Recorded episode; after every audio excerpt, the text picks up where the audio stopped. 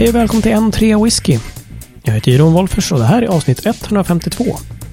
Jag sitter här idag med mig själv, Mol Alena. Mattias är på Death Cab for Cutie och David har så ont i ryggen så att han trots att han säger att han aldrig dricker någonting annat än whisky och möjligen New Make ligger han hemma och eh, i någon slags morfinrus. Ja, jobbigt läge. Bot och bättring hoppas vi mycket snart. David var ju nyligen i Skottland. Det har ingenting med hans ryggont att göra så vitt jag vet. Men innan han började på Springbank Whisky School så hann han med ett och annat. Nämligen att prata med eh, bland annat Angus McRail som vi ska få lyssna på den intervjun idag. Vem är då Angus McRail? Ja, lyssna på intervjun så vet ni. Nej, skämt åsido.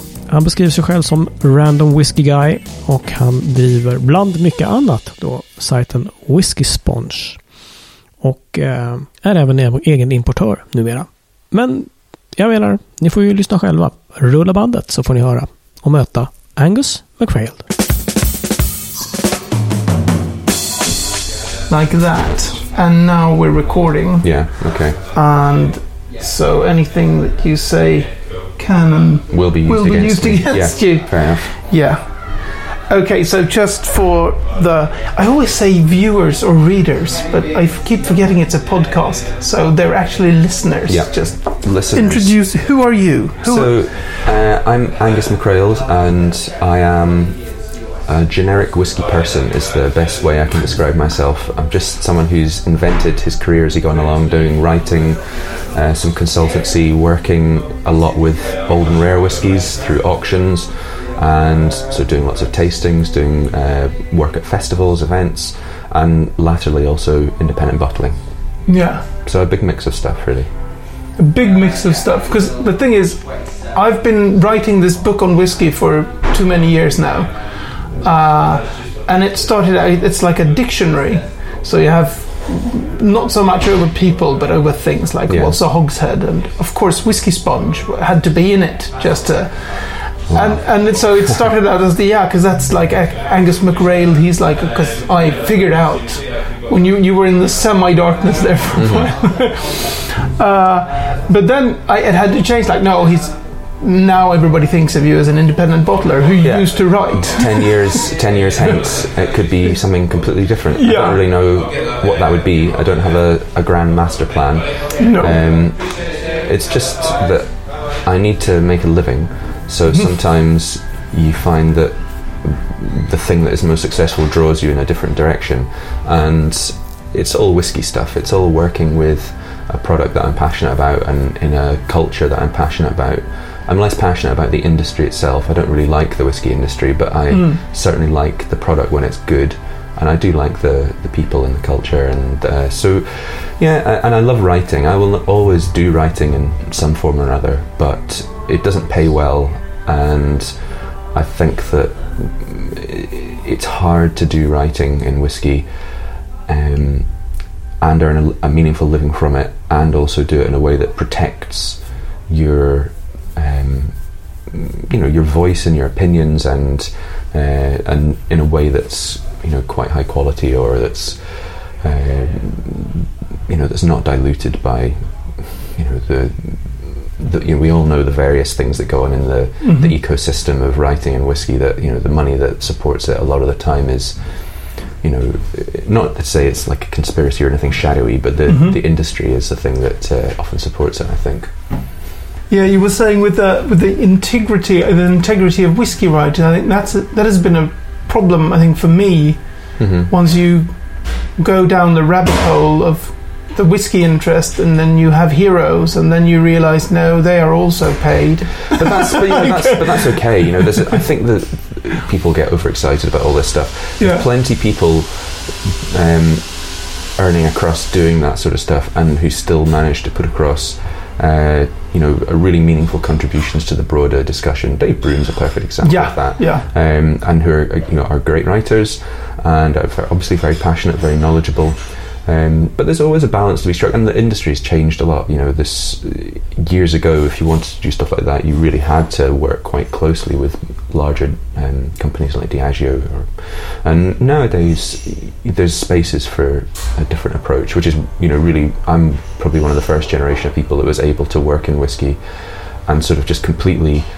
Uh, do it on their almost on their own terms, not entirely, Mm. but almost, and that's why my career is quite jumbled and all over the place and a bit staggered. It's why I started working in auctions because I wanted to work with the whiskies, lots of different whiskies, and be able to say what I wanted about them.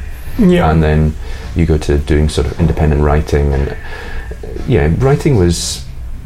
I, I realised after a while that it's it's a means to an end financially, but more worthwhile to me, more valuable for me as a thing to do if I just do it as a kind of hobby that also Yeah. supports my career in whiskey. So that if I can occasionally make a meaningful contribution to the broader, you know, public discussion about whiskey, then that's good. That's good for me, and Yeah. hopefully it's something that's interesting for people to read. So I'll always do some writing, but it'll just be kind of hobbyish, and I don't consider even. I, mean, I know it is writing, but even things like doing tasting notes on whiskey fun that for me is Yeah. a hobby, and it's I don't necessarily consider that um, even writing, even though I know it is. Yeah. But it's just sort of writing tasting notes. I think is just something something a bit separate, really.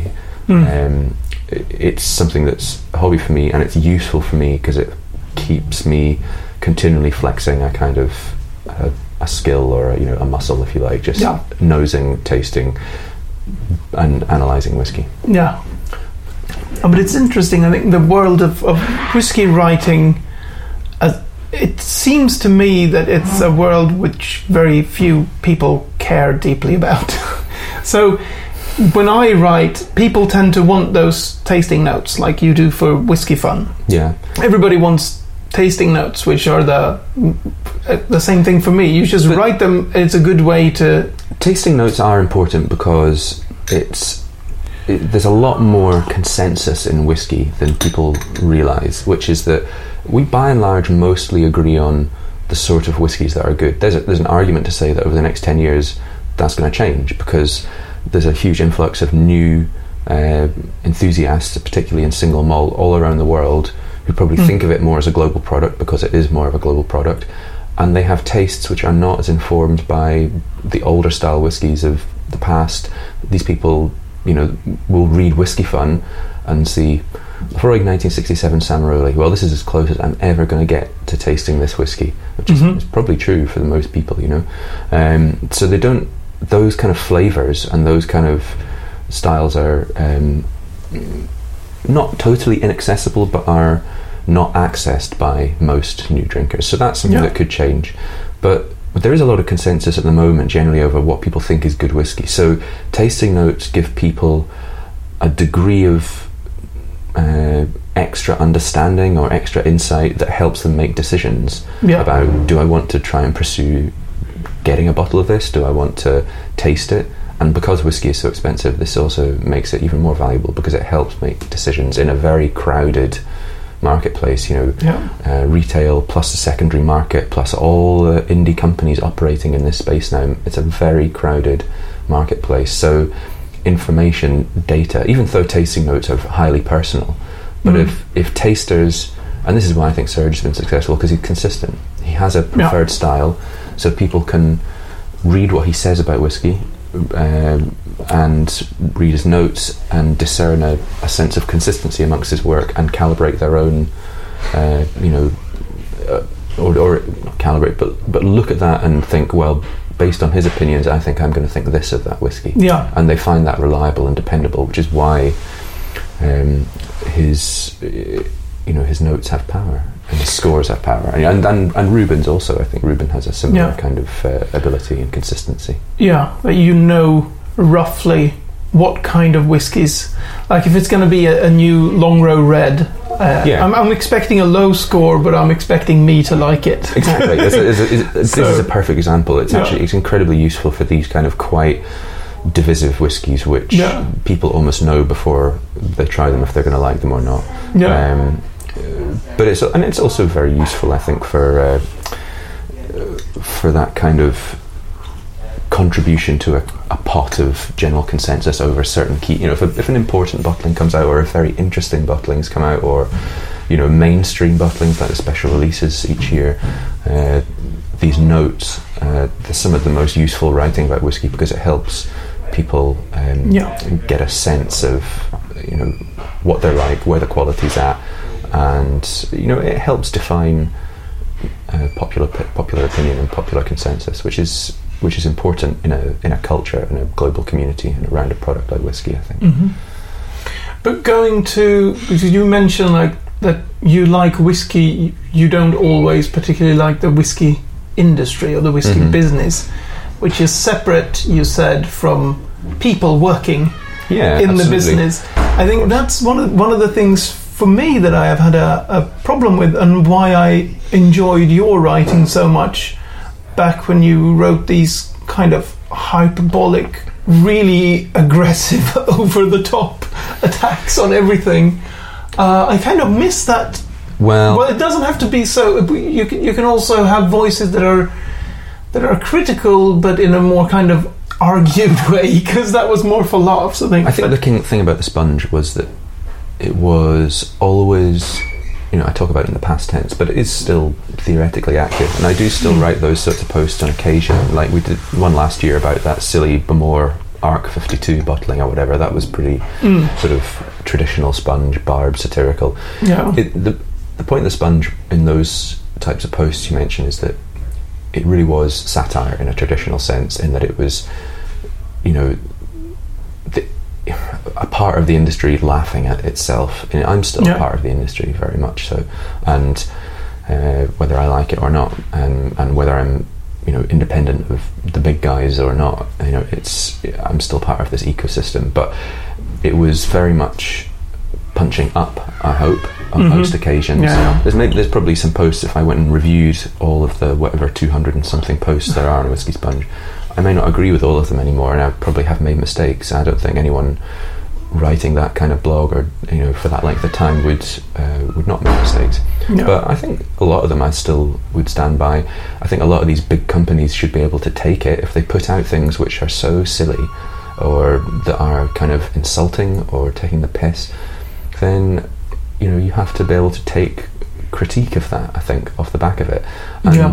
I think that. Uh, a lot of the sponge is actually quite celebratory in that it's just silly and it's it's point it's probably poking fun, but often it's just being just daft and, and surreal and there's quite a lot of it where it veers away from uh, satire and, and you know the, the really barred jaggy posts were quite satirical a lot of the other stuff was just you know my weird sense of humor and Yeah. Quite like sort of surrealism and silliness and uh, and just rude wordplay and Yeah. nonsense like that so yeah, yeah. There were things where in, in which, as being someone, like being a person who's like really into whiskey but not living in Scotland, at times it was like, okay, is he angry now, or does he actually like this person? all Scottish just people are a bit angry Yeah, because it's it was a bit like uh, the fish slapping dance with Monty Python. Oh, yeah, there's- There's a lot of people. Mm. Most of the regular characters in Sponge are really just my chums, and I just like sort of celebrating them as weird, surreal versions of themselves. Like Yeah. Billy Abbott is Willie Bishop in Whiskey Sponge World. John Beach from Fiddlers is Jan Birch. These are just Yeah. my kind of whiskey chums in the UK, and I just like to. And, and the things like. Um, you know, like there's a post uh, about the whiskey show in London one year where I wrote like the day before Sukhinder had said to me, "Go on then, do something really, really, you know, tear us to shreds, whatever." So I did, and wrote a, a long rambling post about you know how Belinda Binge of the Whiskey Exchange had uh, been tutored in the art of you know carnal pleasure by Jim Murray or something like that. And so it was But oh, of course, Belinda blinked. That's uh, my dad wrote a porno reference. Then No, it's not No, really. It's not that came. That was just pure coincidence. I was just trying to think of a silly name that rhymed with Sukhinder Singh. to Belinda Binge, and uh, but it just and then the whole my dad wrote a porno thing that came along later on. I, um, I thought, oh, ironic, pretty good, good fun. So Yeah, there's, there's lots of moments like that where there's an element of in jokery behind the scenes, mm. but you try to write it in such a way, which is where the kind of idea of like writing more as a discipline comes in. Is you try to write it in such a way that it's accessible and that even someone. So my some of my best feedback is when people that don't really know or like whiskey will still read something I've written about whiskey and say, "Well, I, s- I enjoyed that. I thought that was interesting, or I could follow that along." And or with the sponge, or so there's stuff in there that's just funny Yeah. and that that's good because then you feel like you've accomplished something because you you've ticked all the boxes in that instance. And I think that's just um, the part of me that likes writing in and of itself for its own sake, irrespective of the subject or irrespective of the style. It's like I quite enjoy the, for want of a better word, the, the craft or the process of Mhm. putting together a good, tight piece of writing that Yeah. that speaks to people on different levels or you know from different backgrounds. That's a that's the purpose of writing is communication and to make connections between people, and that that's cool when you achieve it. I think. Yeah, yeah. Because I think I think one of the one of the things that I can miss in today's. I mean, I can agree. We we spoke briefly just before we we turned on the mics here about uh, Nick Morgan's critique hmm of uh, modern whiskey writing, which he finds that it's it's too little critique and too much just celebrating Yeah. everything. Um, and although it kind of annoyed me that, that the words came from him, being former Diageo, uh, I still think he was right in that that there is very little kind of critical, well, critique of the whiskey business, but also like a critical analysis of what's going on. Yeah. So there's so much of this crazier and crazier bottlings coming out at a, at higher and higher price points. Everything seems to be just directed at at not even drinkers anymore. It seems like everybody's an investor. yeah. So I'm missing that kind of the the it does feel like we're moving towards a kind of some kind of crunch point or some kind of like gravitational event horizon beyond which Yeah. we can't discern what's going to happen. yeah But uh, yeah, I I sort of agreed and disagreed with Nick's piece in that there was some, you know, uh, from the bigger picture perspective, there is some truth to the fact that whiskey writing perhaps lacks some critical teeth, Mhm. and you know, a lot of whiskey writing. Uh, if I'm being honest, I, I, I don't think is great. I think a lot of it is just copy or content or yeah you know, and, and that's and often that's fine because that's what some things want. That's what some you know publications or websites are for. That's what some media is for, and that's what they require to you know feed their engines and tick over. But you know, that's why I think a lot of the the most meaningful writing on whiskey is not really on the kind of money making platforms. yeah Uh, and I, I also think that there are there is critical writing out there if you look for it.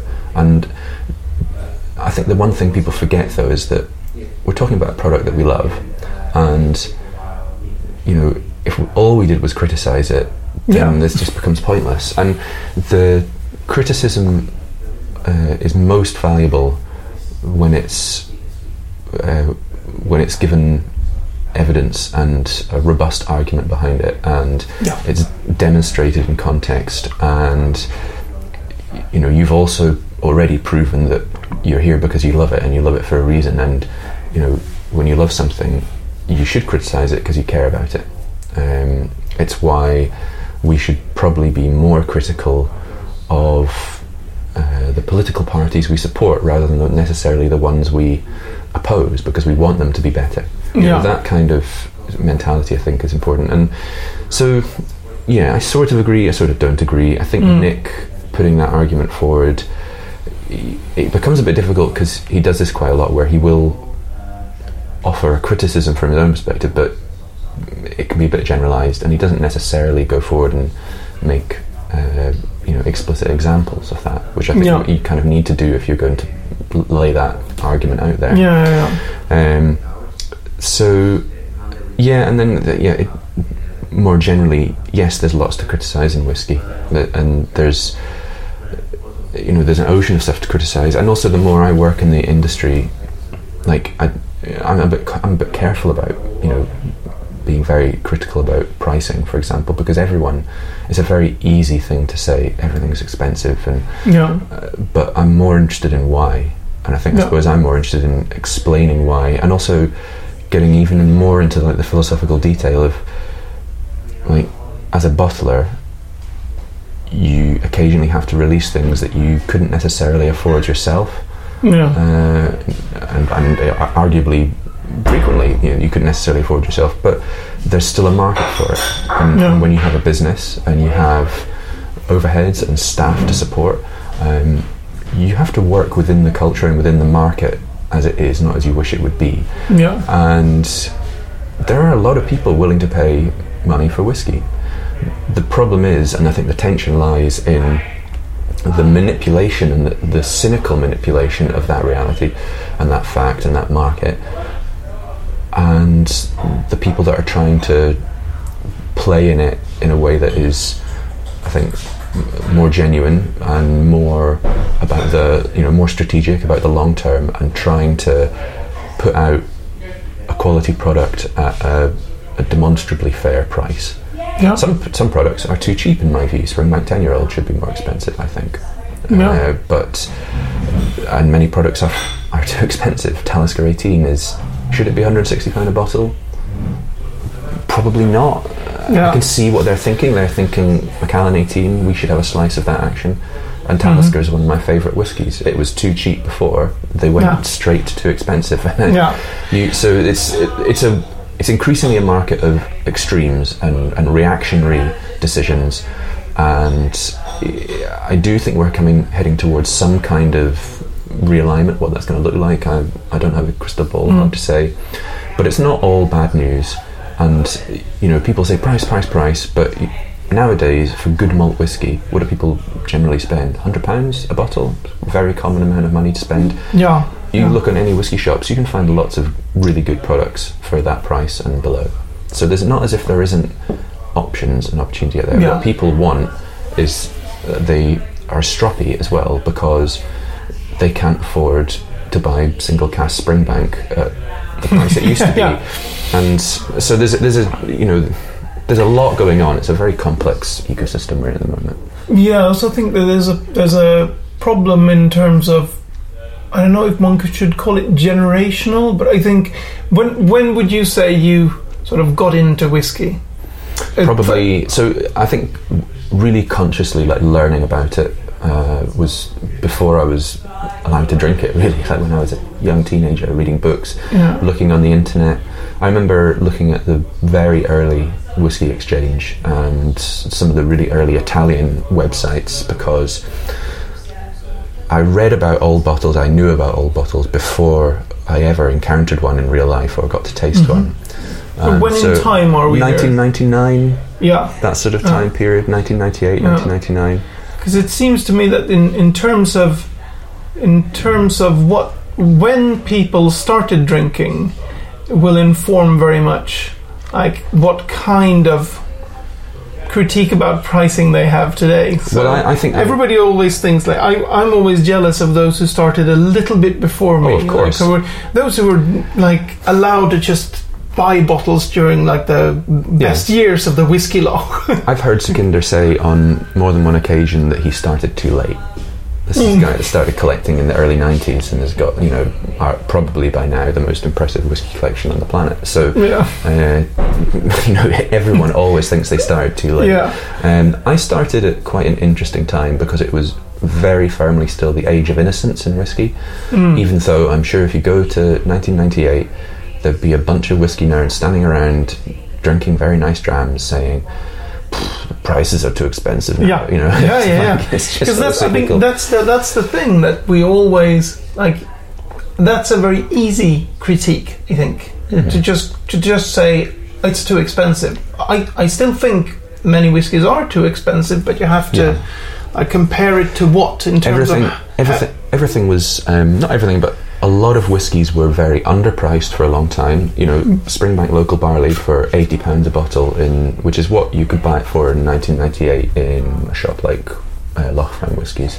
yeah Uh, in my view, that's too cheap, even though eighty pounds was quite a lot of money in 1998. But you know, comparatively, It's too cheap. ridiculous. Yeah. but is it worth whatever it fetches at auction now? You know, four or five grand a bottle, sometimes a lot more for some of the early ones. Mm. That's a that's in the realm where it just becomes a personal decision of the buyer. Yeah. The other factor that's true, and I've noticed this because I started my journey at a point where you know I had no money, and um, Mm. my income has gradually increased over the years. And when your income goes up, when your earnings go up, your disposable income goes up. It's true, that, and I think it, anyone's lying if they say otherwise. That what you're willing to spend on a bottle does go up as well. Yeah. Absolutely. And, you know, I deliberately constructed a, a career for myself um, where I had I, I tried to create opportunities to monetize open bottles that were more expensive than I could afford to drink otherwise, so that I could make a legitimate, you know, investment. But Yeah. the route to monetizing it was through opening, and then Yeah. I can write a tasting note. I can taste it. I only need to taste two cl of a whiskey, and I'm I've got the memory. I've got a Yeah. note, and you know I don't need to drink the rest of the bottle. And it's pleasurable to to do that at shows where you're selling drams.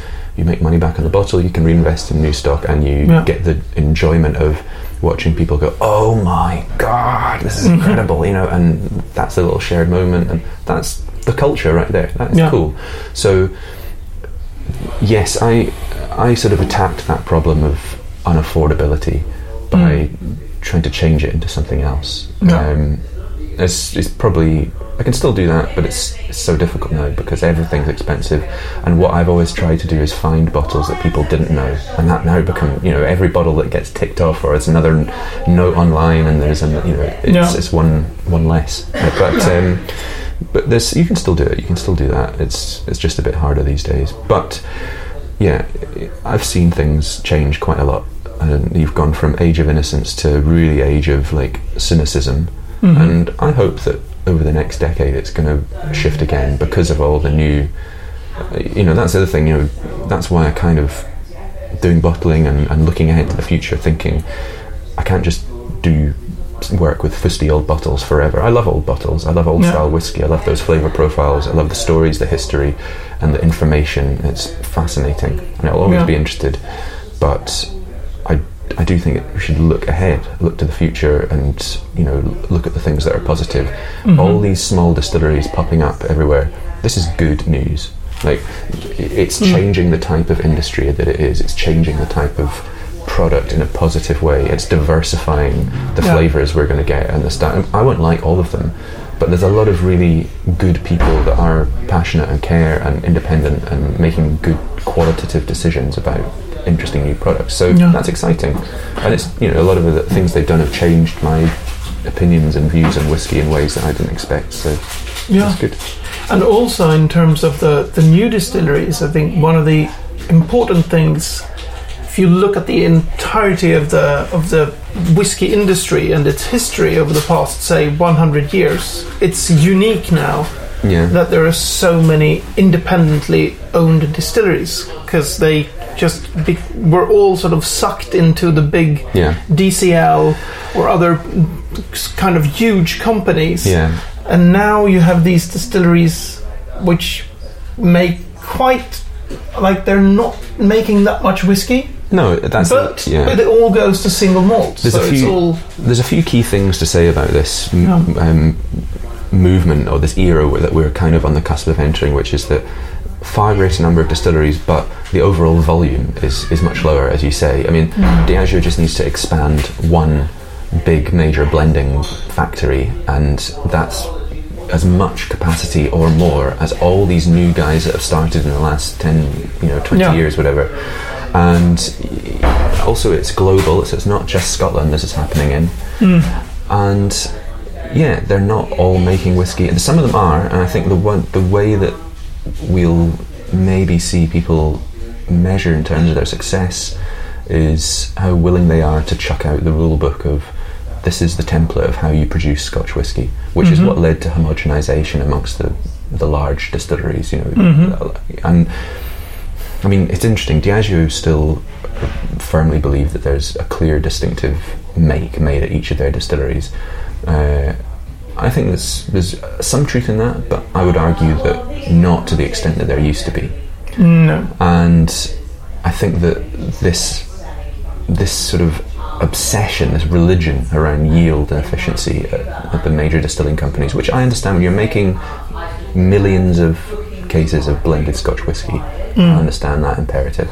But if you're wanting to make 100,000 litres of spirit a year and have a single malt brand, this, it doesn't make sense to focus on yield and efficiency to the same degree. And you're chucking that out and thinking, go back to the drawing board. What's going to make flavour that has value that we can attach? Mm-hmm. A, and, and like instead of thinking of consistency of one character, let's think about consistency of quality.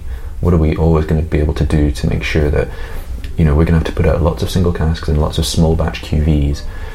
How can we make sure that people have got confidence that they can just buy blind? Like that is incredible distillate, and those guys know what they're doing. I don't need to taste this. I don't need to read a review. I want to buy that bottle. That's hmm. what you need to sustain that business model, and the ones that will succeed, I think, are the ones that understand that and pursue that. And that's, hmm. you know, the, the people that are only just getting up and going. The, the next five years is going to be really interesting because you'll start to see a lot more interesting products come online. I think the earlier wave, there's been not as many people doing really interesting stuff in some of the new distilleries, but it's really starting to shift now. It's happened. What what happened uh, in beer and wine is happening in whiskey. It's just that it takes so much longer to make manifest as products on a market shelf because it's whiskey and time is like the the impossible to circumvent ingredient. Yeah, yeah.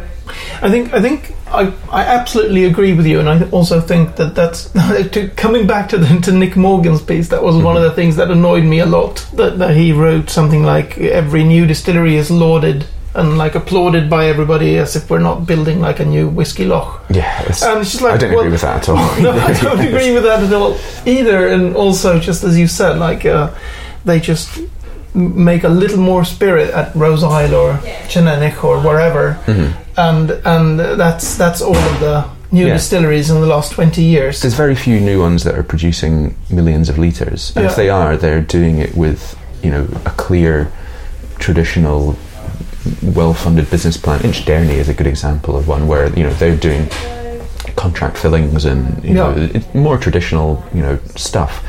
But that's but the only one I think of the new ones that that is that big, isn't it? Or is, it, Yeah, or is there o- any? only that I can think of off the top of my head. There may be others, but I, I'm pretty sure it's just you know Inchdairnie at that kind of scale. I mean, you know, Diageo built a Roseisle, and that is certainly uh, capable of producing you know vastly more than uh, than any of these small ones you know combined. I think. Yeah, yeah, yeah.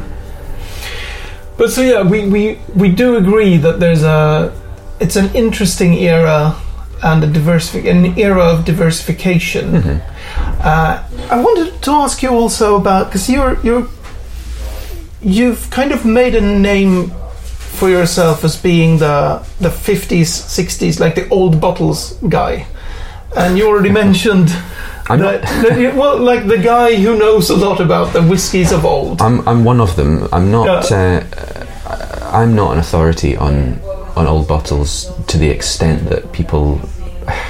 Maybe that's slightly disingenuous of me to say. I do know a fair bit about old style whiskey. I think there's No. plenty of other people that know a lot more than me. I think Emmanuel Dron or you know people like that. No. They they're really the world class experts. I'm I know enough, uh, but you know I would not thank you to have to go back into doing auctioneering. It was tough. Yeah. Uh, and I certainly don't want to go anywhere near things like um, bottle identification services and saying Yeah, this is fake, this isn't. Yeah. Unless it's one of the clear old invented fakes, then it's no problem. I love tearing those things to pieces. But Yeah. um, but you know, saying and signing my name to something saying this bottle of 1966 18 year old Macallan is 100% genuine. yeah No, thank you. Impossible work now. So Yeah, yeah, um, yeah. I, I don't know. I, I, I suppose I am known for old and rare whiskies because Uh, it's a passion of mine. I just think No. the quality and the flavors, and you know, there's still something about tasting these whiskies where you go, "What the fuck was going on? Why is this so different?" And this is the thing that Yeah. I really. I- I want to pin down the people or the naysayers or the critics on that front and say, like, okay, here's your product now. Here's your product bottled in the 60s. You tell me what you smell. You know, that's the thing that really mm-hmm. fucks me off sometimes is whenever anyone's dismissive or says, oh, people, you know, people that laud old bottles don't understand. No, we understand only too well that, mm. you know, they were different. And to my palate, and I think a lot of people that have tasted these things, they do taste better. So mm. why should we not have a right to uh, express that opinion, make that argument, and and just at least say, let's put our heads together and understand why? Because through understanding that, we may, you know, ha- put knowledge into the public mm-hmm. domain that helps make better products in the future. Yeah, certainly for all the with the new distilleries coming Absolutely. up, it can give you a kind of a a map Well, to things to, to how to do things. But this is one of the most interesting things about the next, I would say, five years now, is that I think we're going to get close to understanding if that knowledge or that nut has been cracked about have new producers figured out how to make whiskies that taste like some of the really old style distillate driven Yeah. powerhouse you know gorgeous whiskies of the past Mhm. that'll be a really interesting question to see if that gets answered so you're thinking like um, I don't know how to pronounce that elixir distillers and. Yeah, I think Elixir, Mm. you know, Sukhinder obviously is an old bottle fanatic as well. Yeah. Uh, and, you know, his inspiration is these kind of whiskies, and he will. And he's the, the only person really who's also got the money to to really pursue this um, with you know with everything that you need to and the time you need to take to do it properly. Mm. Uh, Dornoch on the other side are also old bottle fanatics and have got um, increasingly got the capacity, but have got more of a you know a guerrilla cobble it together approach. And with their new distillery, uh, which you know Touchwood all goes well, and you know then I've no doubt that uh, they'll do something that you know even better there, or they'll Mhm. refine you know what they've learned with the sort of Dornoch Distillery One and Dornoch Yeah. Distillery Version Two can take Yeah. that and run with it. You know, and there'll be other people doing you know similar stuff as well. It's it's just it's so hard. Like it's a totally people forget that how much centralization happened in whiskey with things like the malting side of it Yeah. and the sort of homogenization of the yeast type being used. And so to go back and try to to really do old style whiskey ideally you should have floor maltings uh, or access to a floor maltings. Ideally you should think about using a bespoke peat source. And there's so many different moving Mhm. parts and there's so many different you know aspects you have to consider and factor and plan for. And in many cases like you have to build um, unique supply chains for yourself. So something like where we're going to get our yeast from should it be a brewery that's a relationship we've got to work out. That's a you know a, a consistency of supply we've got to think about all these sorts of things. So it's very difficult. Yeah. But I'm also wondering, like, because being being someone who got into whiskey, say about ten years after you, maybe 15 mm-hmm. I have this thing where I'm really jealous of people like you who got into it, and then you were jealous of people Of who got into yeah, it yeah. ten years before. But I'm thinking that that for someone like me, there was a time there when I could I couldn't afford to buy such bottles, but I could like with friends who were just selling samples basically. I, I so I've tried very little, but I've tried some of those Yeah. kind of the '60s whiskies, not the legendary ones. I haven't tried any of the old like Samaroli bottlings or okay but but the things that I have tried have been like really really different. Like some of them are not so good, but some of them are absolutely amazing Yeah. whiskies. Like I tried a, a Dalmore 12, yeah like 43%, which was just astounding. the brown glass bottle with the Yeah. black label yeah, it's it's great whiskey Fantastic.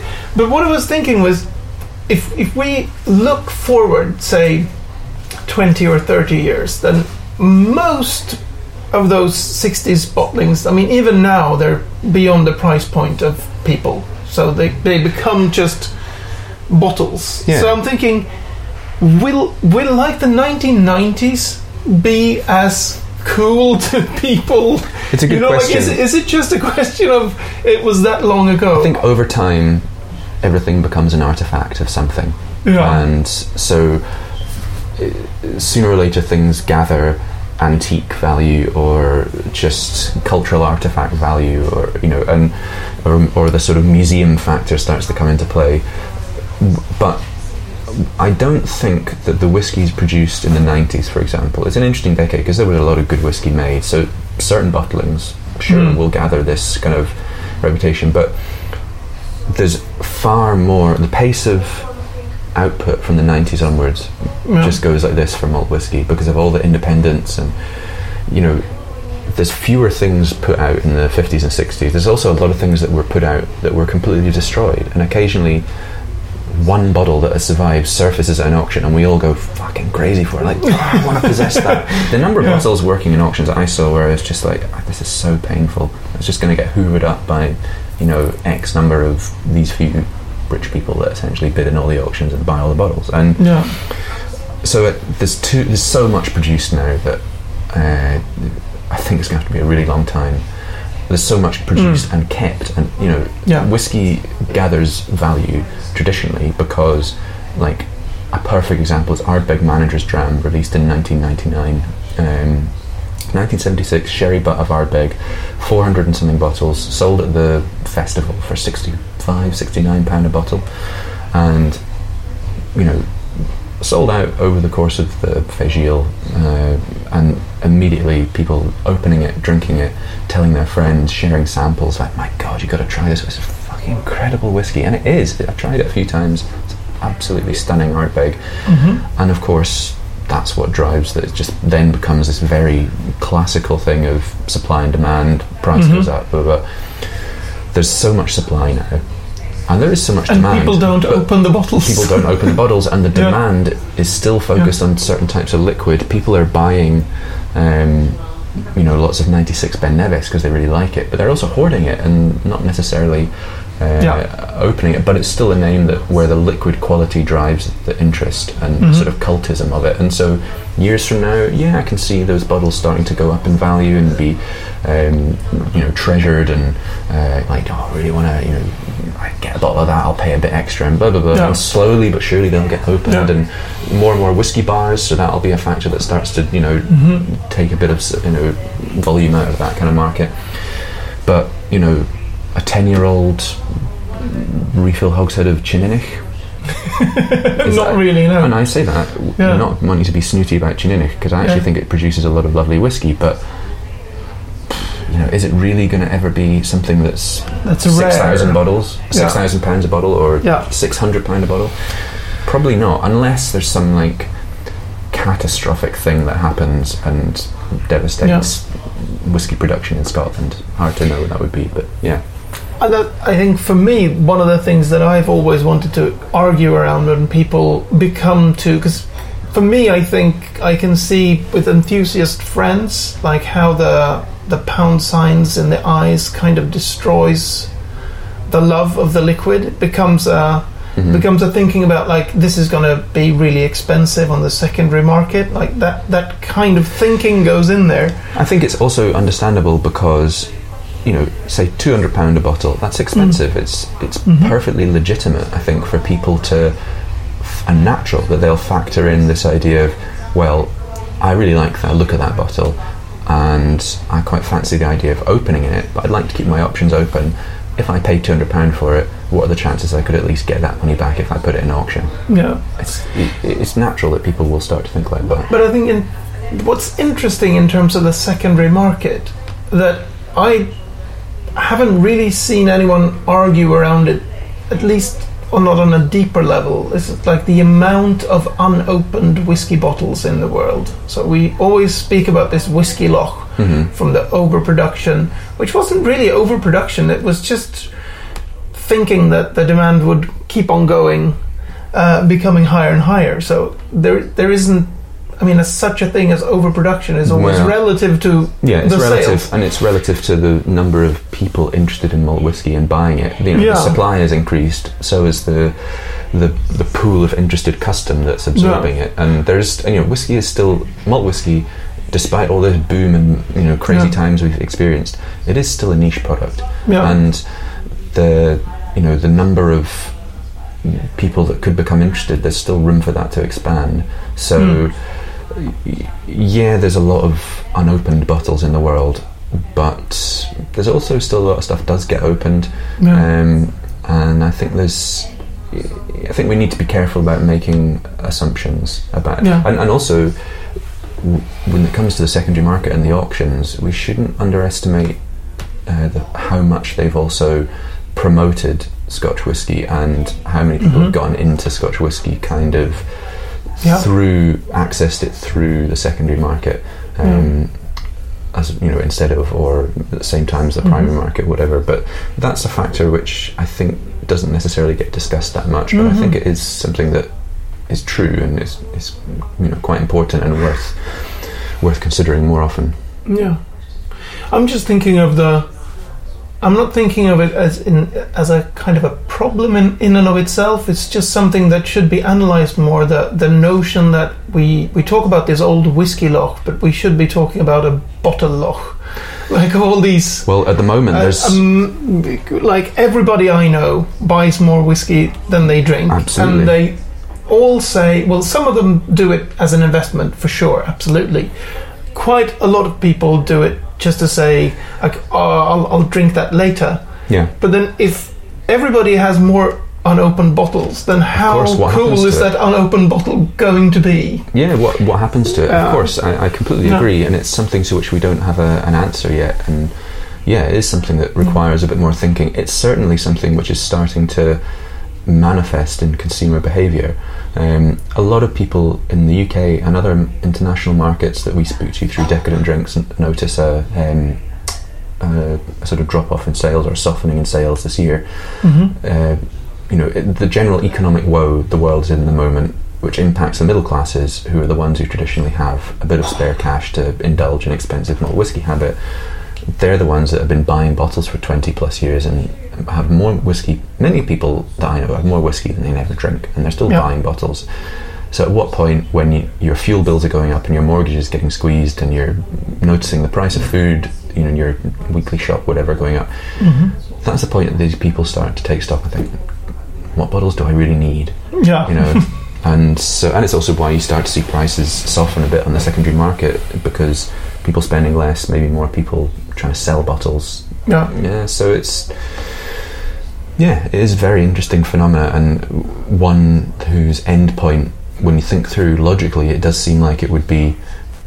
You know, a, a depression in values, maybe not a crash, but some sort of general depression. But that could just be a factor that gets spread out over quite a long period of time, so it looks, Yeah. you know, not so, Yeah. you know, striking. I think that's the thing. People tend to think of these things as, and then everything crashes, and then all of a Mhm. sudden I can buy a the Talisker eighteen year old for forty Yeah, yeah. pounds.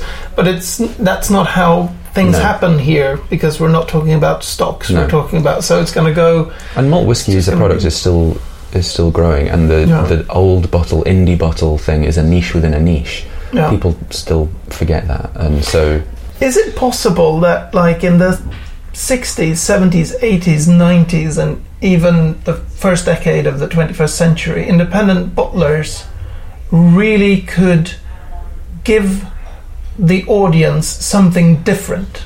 Like something that the major companies didn't give. But, but do they now, though? Like, is it. Aren't the big companies like bottling so much whiskey that the role for the independents as being so we can come with something different here is that is that yeah, it's I think part it's, being squeezed or not Of course, it's been squeezed. It's Yeah. it's much harder because, you know, Diageo said, "Oh, we'll never do single casks." Now they do single casks. You know, so Yeah. suddenly, very you know, high net worth individuals want their own cask of Clynelish or whatever. Then, lo and behold, yeah, we'd, we'd like to sell you this for a million quid or whatever it costs. yeah the Um, cask of distinction yeah, thing. cask of yeah. distinction thing, um, Yeah. and and that's just one example. That you know, there's uh, like the rare malts was also a response, you know, an early response to sort of rising malt whiskey interest and enthusiasm. Um, maybe informed by the you know lots of indie bottlers in the 80s and 90s doing cask strength. No. Um, I mean, G&M did 100 proof versions of its whiskies at least as early as the 50s, probably before. Um, so there's, yes, I think it is harder now for indies but I think it's as much to do with uh, supply. Like it's hard to just get supply of interesting whiskey. So what do you do?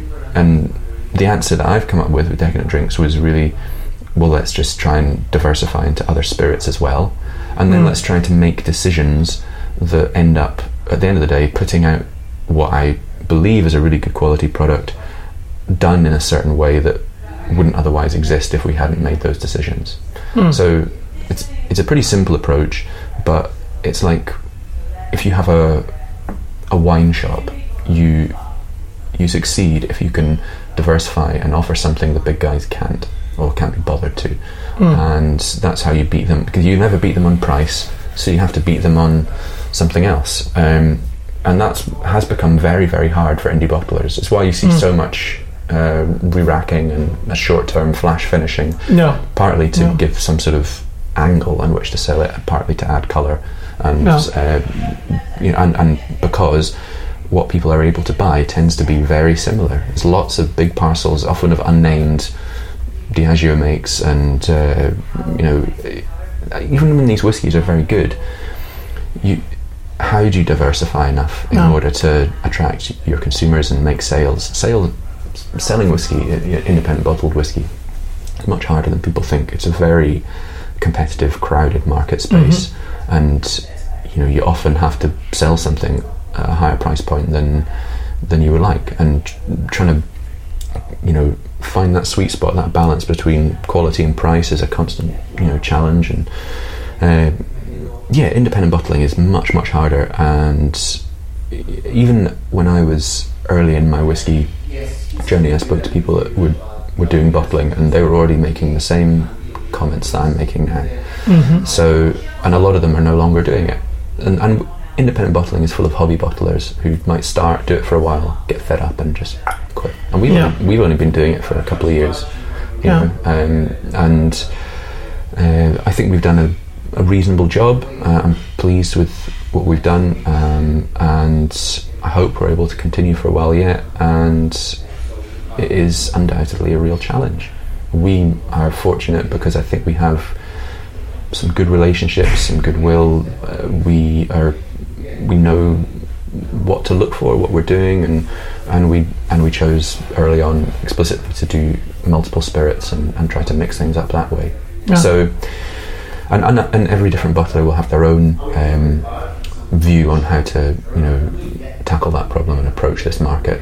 And there's there's no one right way to do things. No. Um, there may be some wrong way to do it. I don't know, but um, uh, you know, and it is challenging. It's really tough, and I'm not sure what it's going to look like in you know ten years' time. Yeah. I guess it's if you if you look at the from from say the 1950s or, or 60s and, and up till today, there have really been eras in which it has been really easy to buy casks and Mhm. eras when it has been very difficult. And it seems that now I hear of a new independent bottling company coming out like every week. There is like, I've never seen those Mhm. labels before. Oh, there's a new independent bottler, and I'm thinking this must be like 2022, 2023 must be the absolute worst period ever in the history of whiskey to start an independent bottling business. Probably, yeah. Because, because all the cask investment schemes Yeah, and yeah, uh, it's, yeah, and, and there's it's always been easy to buy a cask of whiskey. It's just that it used to be cheaper to buy a cask of whiskey and, and or easy to buy a cask of good whiskey. yeah, And now it's easy to buy a cask of whiskey if you're willing to pay, you know, pretty serious, Ridiculous, cold yeah. hard, serious cash to acquire it. yeah. And it's often a cask of very young whiskey uh, or new filling, and so you've got to wait yeah. and then the time factor comes in play. So it's uh, uh, yeah, getting supply and having the right relationships, and you know this is where I talk about going back to what I was saying about not really liking the whiskey industry. It's pretty sort of conservative-minded old boys network still. There's still all the big, you know, people play golf and yeah. uh, the deals are done on the golf course, and uh, I don't know. Maybe I'm being a bit unkind there. I don't know, but uh, you know, there's the big world, and I think the, the sort of the big mainstream world, where which controls supply, controls price, all this sort of stuff. Hmm. I think they are pretty sneery about a lot of indie bottlers, and I think they don't acknowledge what indie bottling did for um, malt whiskey enthusiasm in particular. I mean, Yeah. It's would Diageo, impossible. would Diageo have Brora now as a brand had it not been for a lot of heavy lifting done by and a lot of bottlings done by the indies in the Yeah. 90s and 2000s? Arguably not. I mean, it's uh, I mean, it's completely impossible to imagine the whole single malt revolution without independent bottlings. Yeah. Without uh, they were the ones that create. I mean, even even create the creation of the brand for say Mortlach or Clynelish or Independent such bot- makes that that were just completely hidden. Independent bottling is a response to and a feeder of whiskey geekery. It's a Yeah. response to it in that there's a demand to have whiskey in, you know, a more pure form, a higher strength from an in, a, a distillery that doesn't bottle its own version, uh, you know, uncolored. All these things that we take for granted, and um, uh, and it's also a, a feeder of that world because it then creates more interesting products that attract more people in. So it's a it's a sort of self perpetual motion engine of geekery, Yeah. and and that's the thing about indie bottling, which I think is the coolest, at its most foundational, and that's still true. I think to this day. Uh, you know, you look at all the the colourful labels that have emerged in recent years, where people start to have fun, which I think we are a good example of. I hope, and that's absolutely you know the next level, which is and also driven a lot by um, uh, Asian consumers who love that kind of really you know artistic label driven approach, original label art. Um, But that was true even of the 19 what was it like the 60s or 70s like the moon import the yeah, labels they won, they're the ones that arguably started things like Yeah. that. Although, uh, uh, this is one criticism I will lay at all these guys is just taking artworks and lifting them verbatim from old books that are out of copyright is Yeah. cheating. yeah say that as someone who spends a lot of time sort of thinking up wacky images for uh, Yeah, for yeah. labels. So. Um, yeah, there's, but but you're absolutely right. Yeah, Moon Import uh, was instrumental in that. I, I think there's lots of beautiful labels from history, and I love the minimalism of things like the early Cadenhead tall bottles from the '60s and stuff like that. But um, but there really is a big movement now in terms of um, you know original funky artworks and having Yeah. fun, and some of them uh, are you know are pretty horrible because they go in, in a direction more of like sexism or just or just sort of you know general crappiness like that. But then there's lots of really cool ones. There's lo- there's some, and that's you know that's cool. That's one of the nice things about the indie bottling scene. Even though it's crowded, it is also still quite thriving uh, in many ways. Even though it's you know it's difficult. There's lots of things about it which are a bit gloomy in outlook, but um, you know it, the, the the basic foundational thing that it it feeds and also feeds off you know honest geekery and contributes to the culture of whiskey is still true. yeah fantastic i think we'll have to because you had Yeah, I, This is I've about the time. about um, five more minutes or something Yeah. like that. So um, yeah because we've, we've covered basically a little bit about the, the history and the, we can go into lots and lots of geekery about the whole production but that's that's just like an it's a, a flavour, I, uh, a flavour of all the different things. Yeah, yeah.